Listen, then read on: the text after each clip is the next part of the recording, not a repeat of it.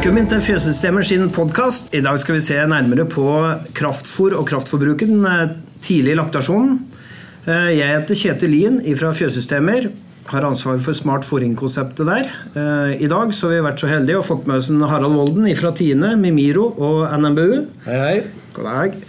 I tillegg så har vi fått med Heidi Skreden fra Tine. Hun er oppstartsrådgiver og spesialrådgiver på Leli-produkter som, eh, som Leli Robot og Leli Vektor. Vi skal se på kraftfôr og kraftfôrnivå i dag. og Kraftfôr er jo et viktig hjelpemiddel for å dekke energi- og proteinbehovet gjennom en laktasjon. Jeg vil vel si det at eh, Grovfôret er hovedretten, og kraftfôret blir på en måte desserten som komplettiserer fòrseddelen på energi og protein og vitaminer og mineraler. Eh, Men kraftfôret det består av mer lettfordøyelige næringsstoffer som øker energibehovet, eller energiopptaket. Som, eh, men i tillegg så er det jo litt negativt i forhold til grovfòropptaket. Den såkalte substitusjonseffekten. I tillegg så koster jo kraftfôret eh, som regel mer enn grovfòret. Og det er, det, er, det er mange ting å ta hensyn til her. Og det er veldig viktig å treffe med riktig nivå for å, å komme godt ut.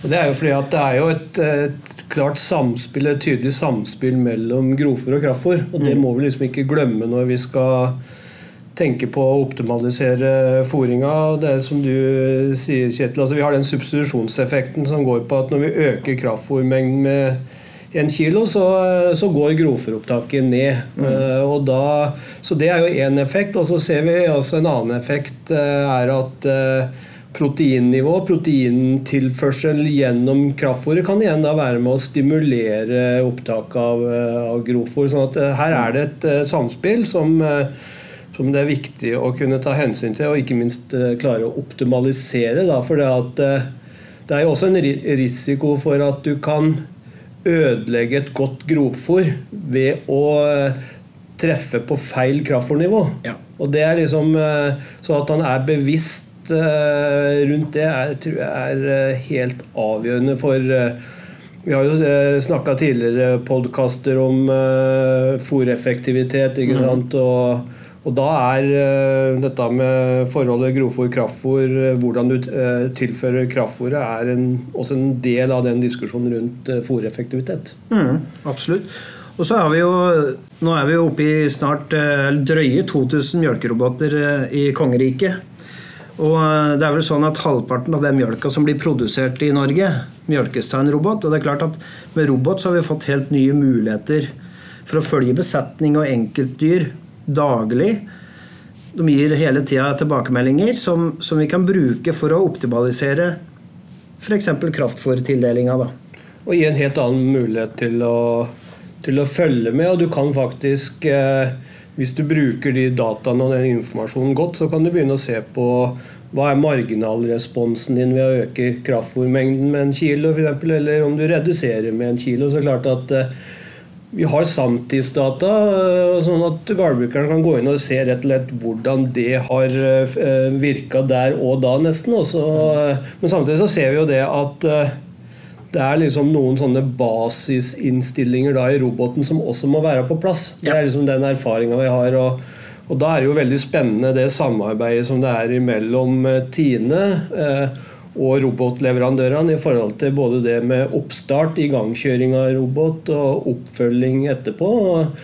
Og det var litt som vi har diskutert her tidligere også, at eh, det er masse data, og det er ikke alle gårdbrukere som heller er like interessert i all den der dataen. Så det er liksom noe med å ha den dialogen med rådgiver og diskutere og, og, og utnytte mulighetene. Og der eh, har vi jo da en mulighet gjennom det samarbeidet som er mellom de ulike aktørene her. Ja, for det, det er jo noe som eh, jeg opplever i hvert fall når jeg er ute på, på produsentbesøk. Så, så er det jo ofte signaler som er gitt fra kuen som det ikke er tatt hensyn til her.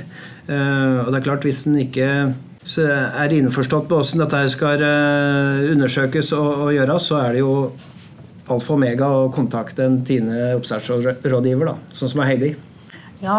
um, det, det blir fryktelig mye data som kommer ut eh, gjennom eh, dataprogrammet til roboten. Eh, og hvis ikke de brukes til noe, eh, enten den ene eller andre veien, så blir det status quo. Og ofte så ser en da at situasjonen kan forverre seg. eh, hvis en ikke tar tak i ting. Eh, Følge opp i forhold til kalibrering av kraftfôr og òg tar inn over seg de signalene som dyrene gir. Så en må ikke glemme de biologiske signalene oppi det hele, sjøl om en får mange parametere på en skjerm å lasse ut ifra.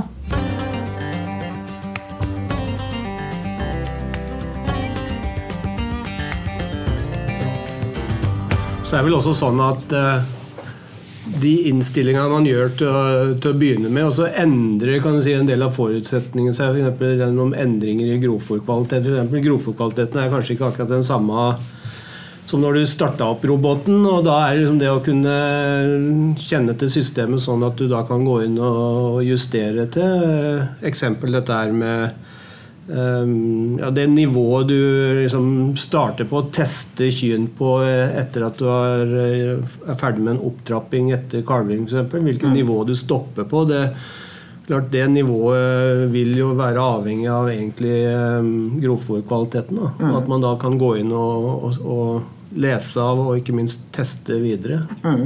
Men vi kan jo si det sånn at eh, skal vi diskutere fòring, så må vi sette av noen forutsetninger for at vi skal kunne si noe som helst. Eh, Og da må vi jo sette, legge til grunn at det er appetittfòring, at det er fòr så de får ete det de vil av, eh, av kvaliteten, og, og at vi har så stabil fòring som mulig fra dag til dag. For det, hvis vi ikke har det, så, så spiller vi på en måte kua ut på sidelinja med en gang. Hvis vi skal snakke om kraftfòrnivå og, og den biten, hvilket nivå jeg skal legge meg på, så, så må vi jo på hovedretten som jeg begynte med i dag. Det, det er grovfòret. Hvilke parametere er det som, som vi bør eh, fokusere ekstra på? I, hvis du tar grovfòranalyse, da. Nei, Da blir det vel akkurat som vi har sagt før. Det blir litt sånn Ole Brumm. da. Det spørs liksom i hvilken eh, forings, altså i hvilken laktasjonsstadie er vi egentlig snakker om her. og det er klart, Én ting er det grovfòr vi ønsker eh, i, i laktasjonsperioden, og så er det det vi ønsker i, i sin, sinperioden. Og det tror jeg også at eh, man må være bevisst på hva slags type grovfòr han eh, skal produsere. Det å liksom å lage seg en grovfòrbestilling og tenke gjennom hva slags eh, grovfòr er det man ønsker. Og det er klart at eh, snakker vi sinky her, så, så snakker vi en eh, grovfòrkvalitet i forhold til energi ned på 5,4-5,5 megahjul per kilo tørrstoff, altså rundt 0,75 fòrenheter Ja. per kilo tørrstoff. Og så begynner vi å snakke om, om mjølkekua eller den lakterende kua. Da ønsker vi jo kanskje over 6,2 megajoule per kilo tørrstoff. Ikke sant? Og begynner å snakke om over 0,90 fòrneskonsentrasjon. hvor liksom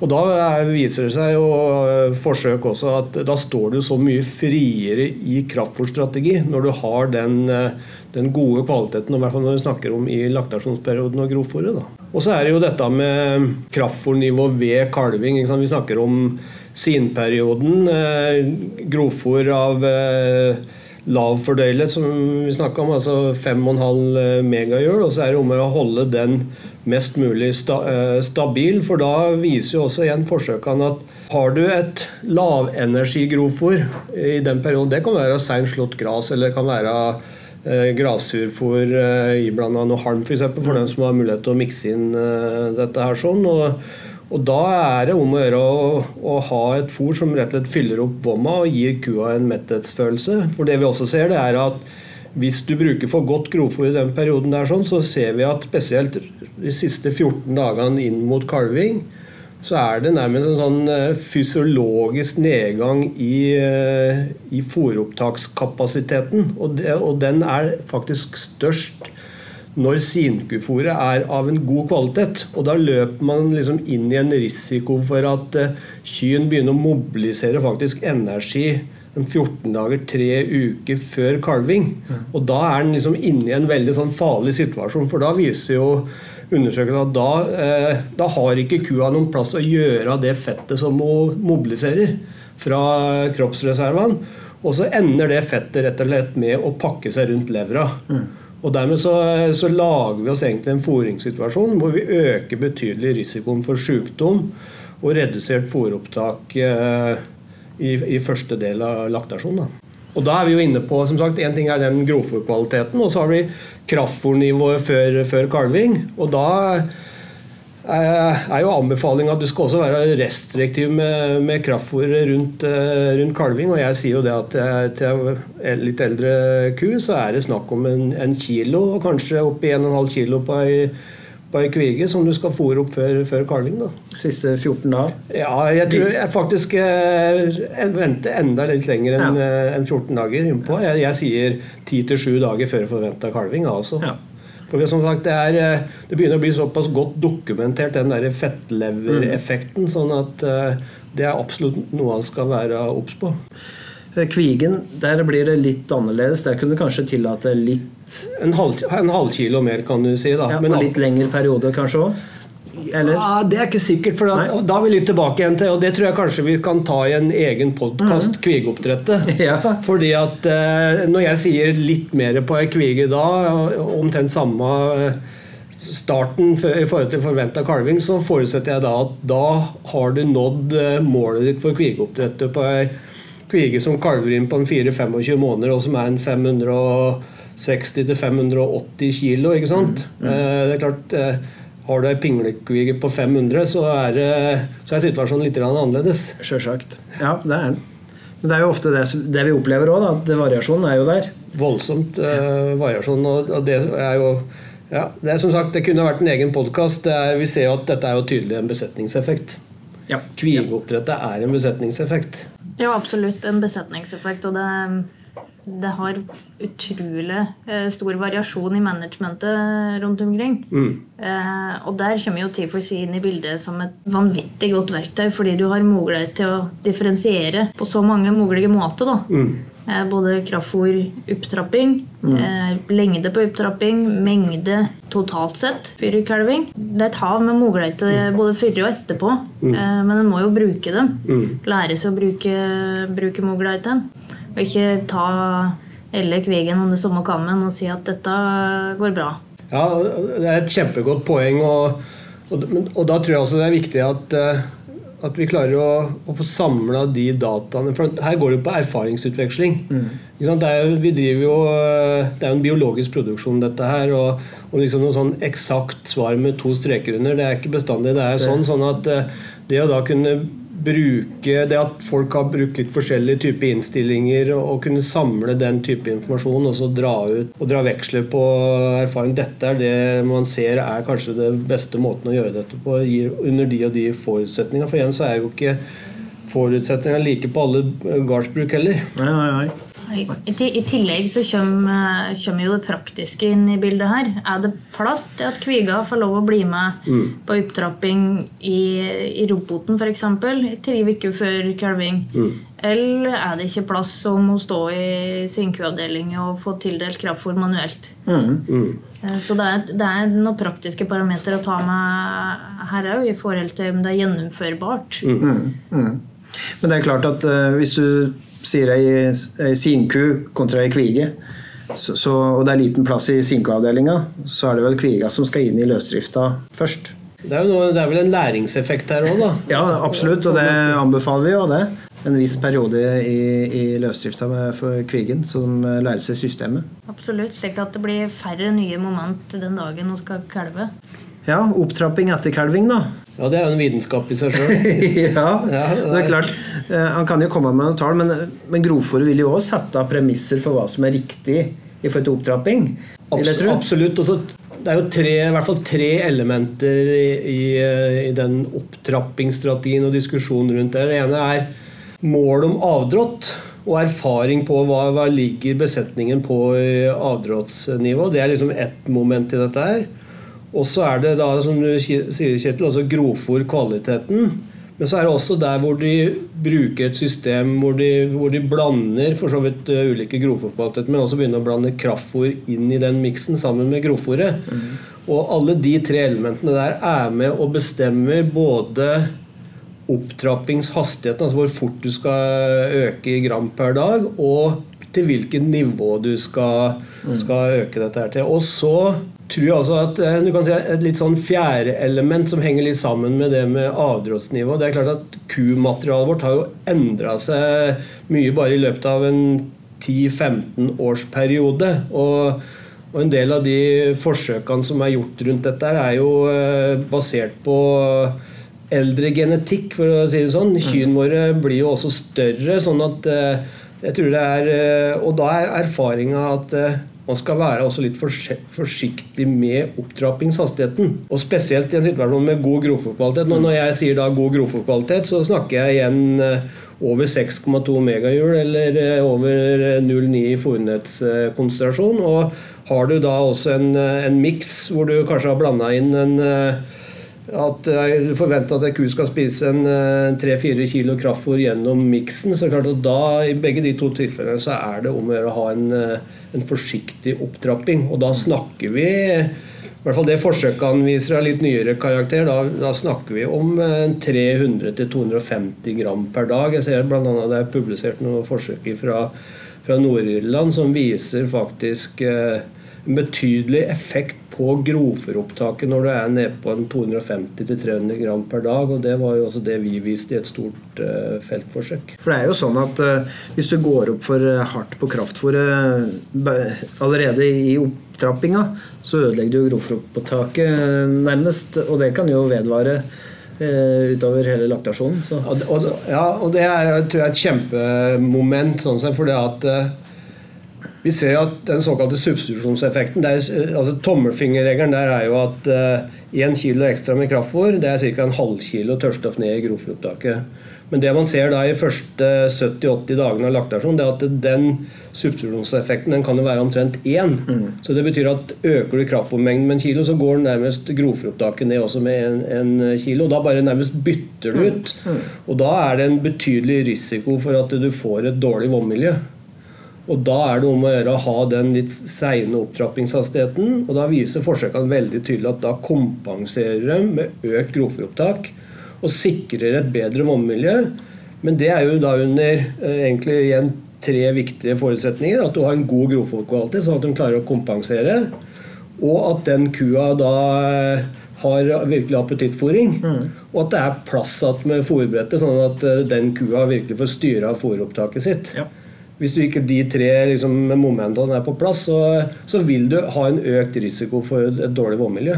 Og det kan koste deg veldig dyrt når du begynner å se på en Når vi igjen ser på fra praktiske besetninger, så er det litt skremmende å se hvor negativ effekt det kan ha både på ytelsesutvikling og ikke minst i forhold til helse. Og da Det store feltforsøket som vi kjørte på i 25 besetninger, viste jo bl.a. det at hvis eh, mjølkeytelsen starta opp for raskt i første uka etter kalving, så, så øka risikoen for mastitt eh, betraktelig. Mm. Vær litt forsiktig. Prøv å utfordre kua, og ikke minst da den kua vi har i dag, med tross alt en litt annen genetikk enn den kua vi hadde for 20-25 år siden. Altså. Mm. Og Heidi, når vi snakker om opptrapping, eh, så så er det å følge med på de parametra du får inn fra, fra enkeltkyr. Hva er det du fokuserer på for å prøve å tyne riktig opptrappingsstrategi? da? Først og fremst er det som en Harald sier, at man må ha med seg grovfòrkvaliteten i bånn mm. eh, før du legger opp en strategi på hvor mye kraftfòr skal starte på, og hvor mye Eh, kan kua tåler, eller kviga for den del, hva kan hun tåle per dag? Nå er de aller fleste snart oppe og gå med, med respondere som måler drøvtygging. Så vi har en nåtidsdata på hva kan fungere egentlig vommet. Mm. Fra, ikke time til time, men annenhver time mm. så kommer det, det, kommer det poppende inn uh, data på hvor mye tygg ku er mm. de to timene. Og det blir logga et døgngjennomsnitt på de tallene. I tillegg så har vi samtidsdata på innholdet i mjølke. Mm. I hvert fall indikasjoner på det. Eh, på fett og protein. Eh, så da kan vi jo òg eh, lese litt status på kua basert på hva er det hun leverer ut av i mjølka si. Mm. På fett- og proteinprosenten. Så det er jo de kanskje tre tingene som en kan følge med på i, i starten. i mm. sannhetsdata, Og så får vi jo sjølsagt tall på produksjon. Altså hvor fort øker kua i mjølk. Mm. Eh, og vi vil jo ikke at det skal gå for fort. Skal, helst, eh, skal jo helst bruke litt tid på å nå toppen i laktasjon. Mm. Og der er det jo da at vi kan være med og styre den litt òg, med kraftfôr opptrapping etter kalving. For trappes opp eh, fort, så får vi jo fort mjølk, og så går det Fort fort ned. etterpå. Ja, ja. Og det, er, akkurat det er et kjempeviktig poeng. og det igjen så refererer jeg til den forskninga som er gjort, så ser vi jo det at det, som kan være smart i den der eh, opptrappingsfasen La oss si at, du, at eh, man skal opp til 10 kg kraftfôr i løpet av la oss si eh, 35 dager. Da. Så eh, når man liksom har gjort unna de første 20 dagene, så, så kan man begynne å regne på hva er responsen i mjølk per eh, kilo kraftfôr du øker, eller per gram du øker. Og da eh, viser at der hvor vi har klart å tatt vare på vannmiljøet og sikra et høyt eh, grovfôropptak, så ligger den marginalresponsen på ca. 2 kg mjølk per kilo kraftfôr. Ja. Så hvis du ser da at du har klart å få til ca. 2 kg for hver økning i kilo kraftfôr, så er du liksom på, på rett kurs opp til det, der ti, la oss si det 10 kilosnivået som du har eh, valgt å, å stoppe på. Og så tror jeg at så lenge man har appetittfôring, grovfòrkvaliteten er bra, eller han har en PMR, altså en miks med, med grovfòr og kraftfôr, så tror jeg også han skal ha litt is i magen og få testa ut det kraftfôrnivået han har bestemt seg for å stoppe på. Sånn at da får han en, en viss stabilisering, og så kan du øke med en kilo. Og så kan du se hvordan, det, hvordan da kyen responderer på det. egentlig. For jeg tror det er en måte å få en slags indikasjon på om du har truffet eller ikke. For det begynner å bli såpass godt dokumentert gjennom forsøket igjen at den samspillet du da har med, med grovfòrkvaliteter, er så avgjørende. Og jeg tror at Altså min erfaring, og det er at folk går for høyt før de utfordrer kyn. Ja, Jeg tror nemlig at vi, vi underestimerer eh, grovfòrkapasiteten eh, i begynnelsen av laktasjoner. der. Med kanskje- forutsetning at du ikke gir for mye kraftfòr. Ja. Og da tror jeg som sagt tørre å stoppe litt tidligere enn det vi har gjort tradisjonelt, det tror jeg kan være smart. Også.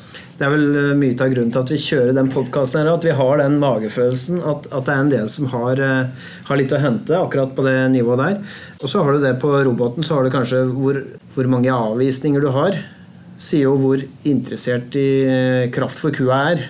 Som òg sier noe om, om vommiljøet og, åssen kua trives. Ja, det er klart hvis kua slutta å gå i roboten, så er det tydelig indikasjon på at det er noe som ikke funker som det skal. i hvert fall. Det kan være selvsagt mer enn vommiljøet som, Ja som påvirker det. Men kutrafikken eh, i seg sjøl i et løsdriftsfjos sier utrolig mye om fôringet. Fordi det er fôrmiddelen i fjoset som styrer hele rytma eh, egentlig gjennom hele døgnet. Og kua går ikke i melkeroboten for å melke seg. Nei, nei. Hun går jo dit for å ete kraftfôr. Ja. Så er ikke kua interessert i kraftfôret, så går ikke hun dit. Det er, det er fryktelig enkel matematikk. Mm, Um, og da må det være en viss balanse mellom det som er på fôrbrettet og det som skal skje i resten av døgnet da, i forhold til aktivitet. Så hun må ha et sug etter litt energi. Hun må gidde å gå i roboten for å få den eh, karamellen. Så det er, um, det er noe å se på der, ja. Avvisningsfrekvensen. Og da sånn tradisjonelt, da med tradisjonell drift, kanskje uten fullfòr i den forstand, med kraftfòr i, hvor mange avvisninger er det normalt at, eh, at du har? En ønskesituasjon er jo at eh, på besetningsnivå ligger avvisningen på rundt tre. At du har så å si like mange avvisninger som du har mjølking i løpet av et døgn. Ja. For da er det størst sjanse for at uh, kua treffer mjølkeintervallet sitt. Det blir ikke for lang tid mellom hver kraftfòrtildeling. Og i tillegg så utnytta hun da potensialet sitt sjøl med å oppnå så mange mjølkinger som hun kan gjennom et døgn. Og da vil hun jo, i hvert fall i starten på laktasjon, så er det jo viktig at hun kommer i gang. Så ikke drar ut for lenge mellom hver mjølking, for da blir det plutselig kanskje bare to kraftfôrtildelinger i, i døgnet, der det er bare en mjølkerobot inne i bildet, og ikke noe annen tildeling av kraftfôr noen sted. Da oppnår vi ikke effekten med den tredje mjølkingen, og vi oppnår heller ikke effekt med en hyppigere kraftfôrtildeling.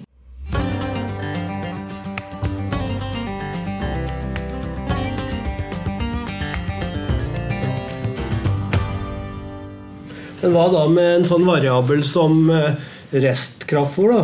Hvor viktig er den, eller er det da sånn at da har det gått for langt? Altså Når du ser eh, ku begynner å vrake kraftfôr, så gjør jo, gjør jo det av en årsak. og La oss si f.eks. pga. et dårlig vannmiljø. Da. Så da kan jeg stille deg spørsmål er det, er det en, en rask nok indikator på at eh, ting eh, begynner å gå gærent, eller, eh, eller er tyggetid, eh, eh, ytelsesrespons eh, viktigere variabel å se på enn den restfòret? Vi vi har sett litt på i besetninger, og da er det ofte det første indikasjonen på litt mye kraftfôr, det er jo at drøvtygginga går ned. Og den har du ofte noen dager før det blir restfôr. Så hvis den er litt på hugget og følger med, så, så kan du på en måte avdekke en start på vraking av kraftfôr. da. Men restfôr i den digitale verden betyr jo egentlig to ting. For enten så er det restfôr på, på PC-skjermen, altså at kua ikke har besøkt enheten som tildeler kraftfôr. Det er den ene. Mens restfôr i praksis er jo at kua vraker det. Og da betyr det altså å gå og se om kua har vraka det eller ikke.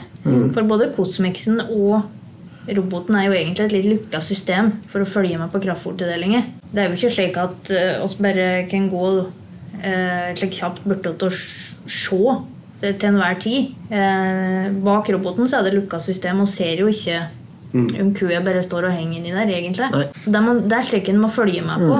Ta en titt oppi kraftfòrkrybba i ny og ne. For så at som å spist opp. Ja, Men drøvtygging er jo eh, den aktiviteten drøvtygging er jo egentlig svært viktig å følge med på i denne perioden her, for det er jo en ganske sikker indikasjon. Ja, den og Du ville jo se en ganske markant indikasjon på fettprosenten. For færre mjølkinger Mm. og lengre tid mellom mjølkingen, pluss litt eh, sur vom, da, som øker, Mm. øker fettmobiliseringen, så booster du fettprosenten, og du kan få flere varsler på det i T4C-programmet. At her er det noe muffins i forhold til forholdet mellom fett- og proteinprosenten i mjølke. Så den er nok enda bedre på en, en restfôret, fordi den, den ligger egentlig litt og svever i forhold til kutrafikken. Hva da med Når du sier drøvtygging, eh, er det da absolutte tall, eller er det utviklinga i, i drøvtygging eh, over la oss si, de siste tre-fire dagene man skal se på? fordi at eh, jo en, du har jo en effekt der ved at uh, grovfòropptaket øker jo eh, fra kalving og utover. og Bare det i seg sjøl vil jo gi en økt uh, drøvtyggerfrekvens. Er du, du det totale fòropptaket øker. Så er det liksom den absolutte tida, eller er det trendutviklinga innafor ei ku man da bør fokusere på? At ja, nå har drøvtygginga øka med 10% i løpet av de siste tre dagene. eller noe sånt. Hva er det hva er liksom viktig å se på der? Selve målingen er sannhetsmålinga, så du får, du får et gjennomsnitt egentlig som øker. Altså, Henger du på en responder på dag null, så, så begynner den å kalibrere seg ut framover i, i gjennomsnitt. da. Altså, Den registrerer nå om to timer, om fire timer. Og den vil jo være økende etter du har hengt på den og aktivert responderen. Så du får absolutte verdier. Ja, det gjør du. Eh, og du vil jo se at den detter ved kalving, og så begynner den å øke igjen. Ja. Eh, Så du når, du når stort sett gjennomsnittet igjen på en fire-fem dogger på drøvtyggingsminutt i døgnet. Det gjør du. Og så ser en ellers bare svingninger gjennom et døgn.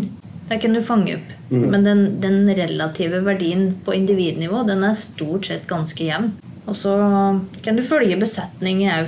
Altså Du får en gjennomsnittsmåling på besetningsnivå som du òg kan se.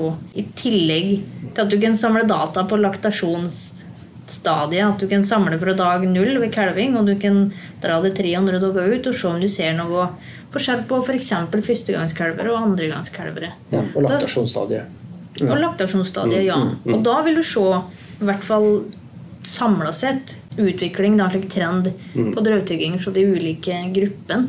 Ja, for Det ligger noe der, men det, det virker for meg som Det er mye data, men det, det er noen utfordringer rundt, eh, rundt tolkning her. Ja, ja. Det, er, eh, det, er en, det er en veldig spennende eh, parameter, og ikke minst det at det er en, en samtidsvariabel som man kan se på. Mm. Men jeg ser det når jeg hører Heidi snakke her nå, at det er ikke alt som er like enkelt å tolke.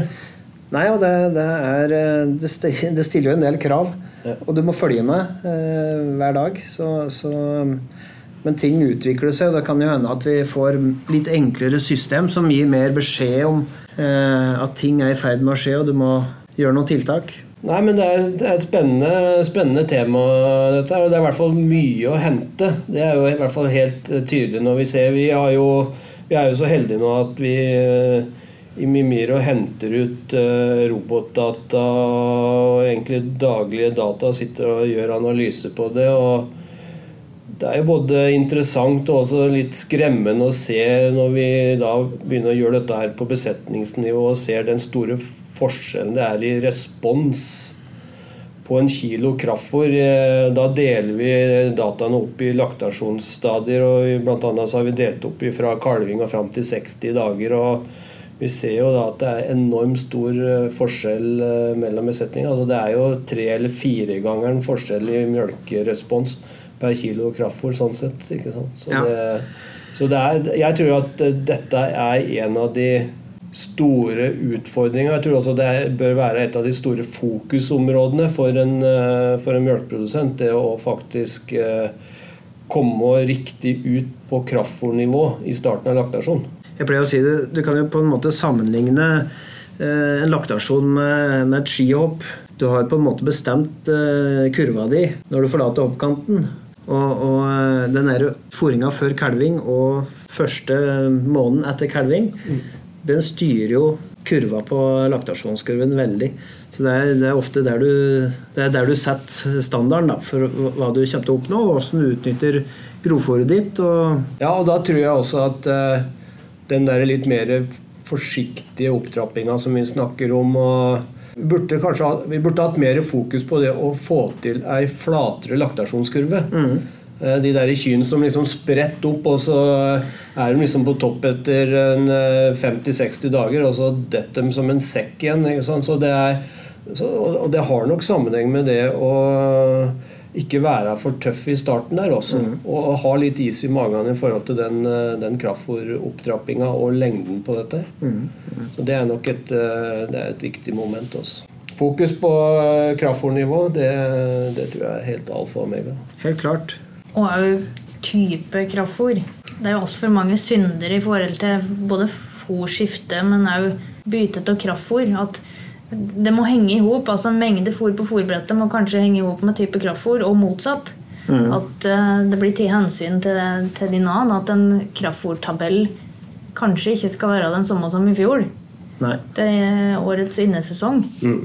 At man må ta noe vurderinger mm. i forhold til grovfòrkvaliteten. Og det, der er det mye å hente. Ja, um, og sam, hvis en sammenligner vinteren som var uh, etter sommeren 2018 så ble det, jo, ble det jo litt etterslep på en del kraftfôrtabeller som uh, ble kjørt opp til mm. store mengder kraftfôr for å kompensere med kraftfôr. Og så ble det stående slik. Så det, det, gikk en del kraftfôr utover 2019 som en ikke hadde trengt å bruke. Og det, det, er jo et kjempebilde økonomisk på hva det koster å ikke følge opp systemet som er kjøpt.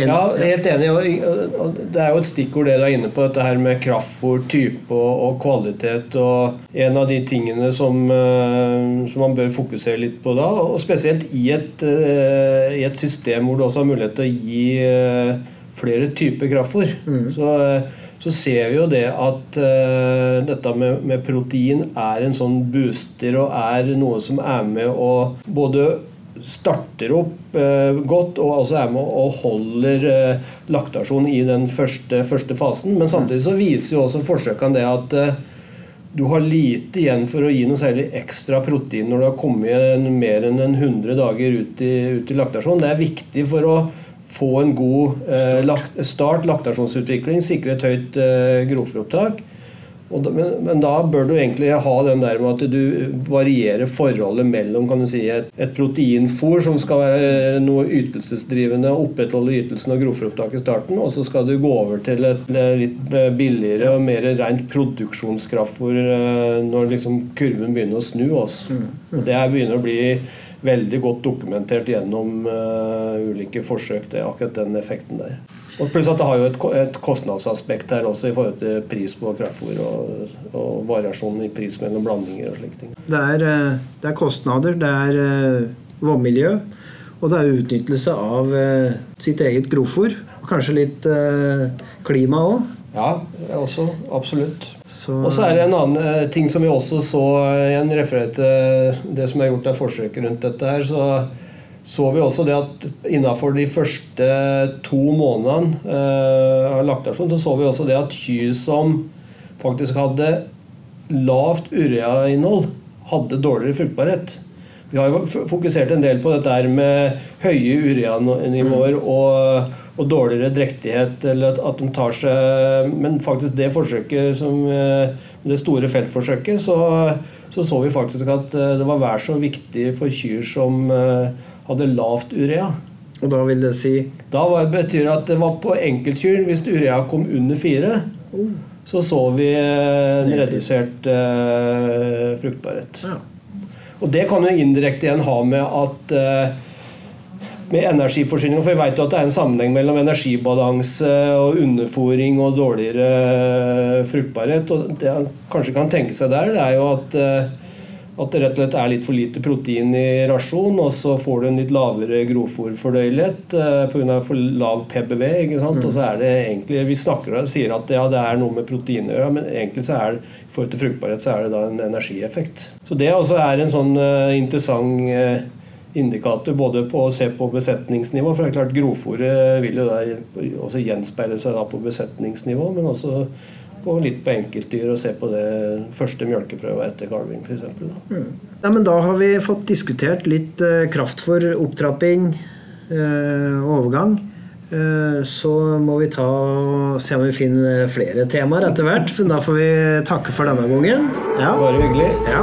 Ha det godt. Ha det. Ja.